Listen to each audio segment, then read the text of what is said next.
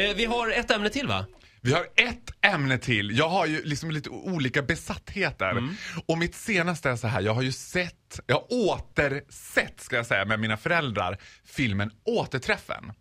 Jag fick ju mycket kritik när jag kritiserade Yohio för att vara ballistic bananas crazy. Mm. Men han har ju mött sin överman i Sveriges kanske piggaste blick och galnaste tjej, Anna Odell. Ja. Som har gjort en magisk film som heter Återträffen.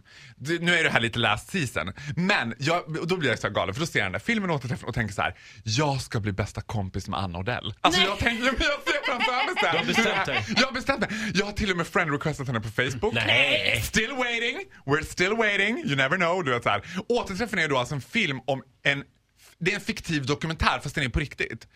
Which is even crazier är att jag säger till en av mina vänner så här liksom under en, liksom en lunch. Jag berättar om den här återträffen och hon säger så här. Ja, jag tycker inte den är så rolig. Jag bara, varför inte då? Jag gick i samma klass som Anna Odell. Nej. Jo, alltså förstår ni? Men håren reser sig på ryggen och man bara, sitter jag full frontal facing someone som har gått i samma klass som Anna Odell. Anna Odell som blev känd för den här konstinstallationen och skulle hoppa från Tranebergsbron. Och då tänker jag så här, inte så himla smart när man bor i Stockholm och det broar överallt. Hon kan ju inte gå ut och promenera utan att någon ringer polisen och tänker nu är hon igång hon igen. Nu är det någon konstinstallation! och jag tänker så här, she makes every funeral a party. Jag Ja. tänker att så här, ta med, ja men jag tog med Anna Odell. Hon bara, hej hej. Jag skulle vilja prata lite grann om den här stämningen här på redaktionen. Och alla bara, nej, here we go again.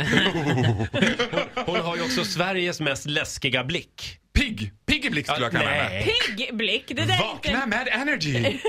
Jag, jag är rädd för henne. Ja. Men det är därför hon skulle vara så himla kul att ha med sig på en fest tänker jag. Jag, Mm. jag, nej, men, och jag är allvarlig med det här. Jag tycker hon är fantastisk. Jag tror att jag och hon skulle ha jättekul ihop. Jag, tror att vi jag skulle handlar i komplettera- samma butik som henne. Jag kan fråga henne. Ja, då går du fram till henne och Ja. säger så här. Ja, du, tar, du har ju mitt nummer.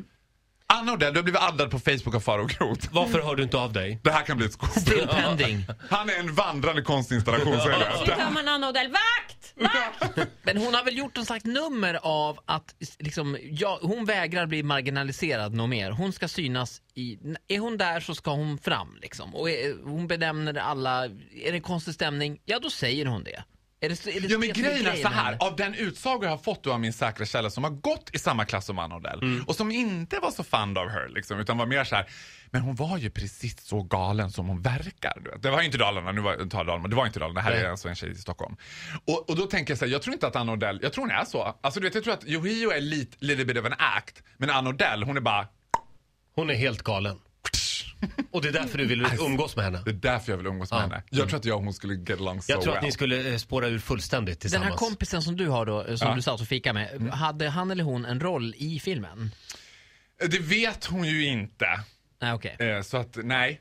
Men alltså så här, nej, nej det hade hon nog inte för det var, hon var inte någon en av dem som Anna Odell sökte upp. För hon har ju också sökt upp sina autentiska klasskompisar. Jaha. Och de skulle man ju jättegärna, det måste ju finnas liksom spaltmeter på Flashback tänker jag och läsa om de här riktiga klasskompisarna som bara, mitt liv är förstört, Anna Odell gjorde en film. Som är den ultimata hämndfilmen och jag älskar det för det. För hur många av oss här inte, känner inte, tänk om vi fick säga det vi aldrig sa till killarna på högstadiet.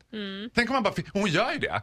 Alltså den här filmen, om ni inte har sett den, se återträffen, den är magisk. Usch, jag, nej, men jag tycker det är så jobbigt med den där filmen. Det är Du kommer, ingen stå, komedi. vet du vad, du kommer stå och hacka tänder bakom purjolöken på Ja. Ica i eh, Mälarviken eller var du bor någonstans. Ja, ja. ja. Söder. Söder. Men, men då kommer jag, ja, bör man se Vet du den vad, alltså? gud, alltså, nu ser jag ett moment framför mig när du står och ska plocka någon frys, Grafgårds mat och känner någon knacka på ryggen och bara Hej Roger. Det är Anna. Med jättestora ögon. Hur är det? Jag skulle vilja prata lite med dig.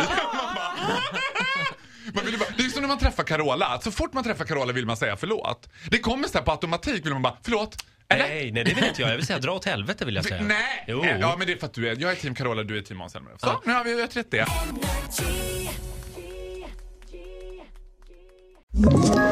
Ett poddtips från Podplay.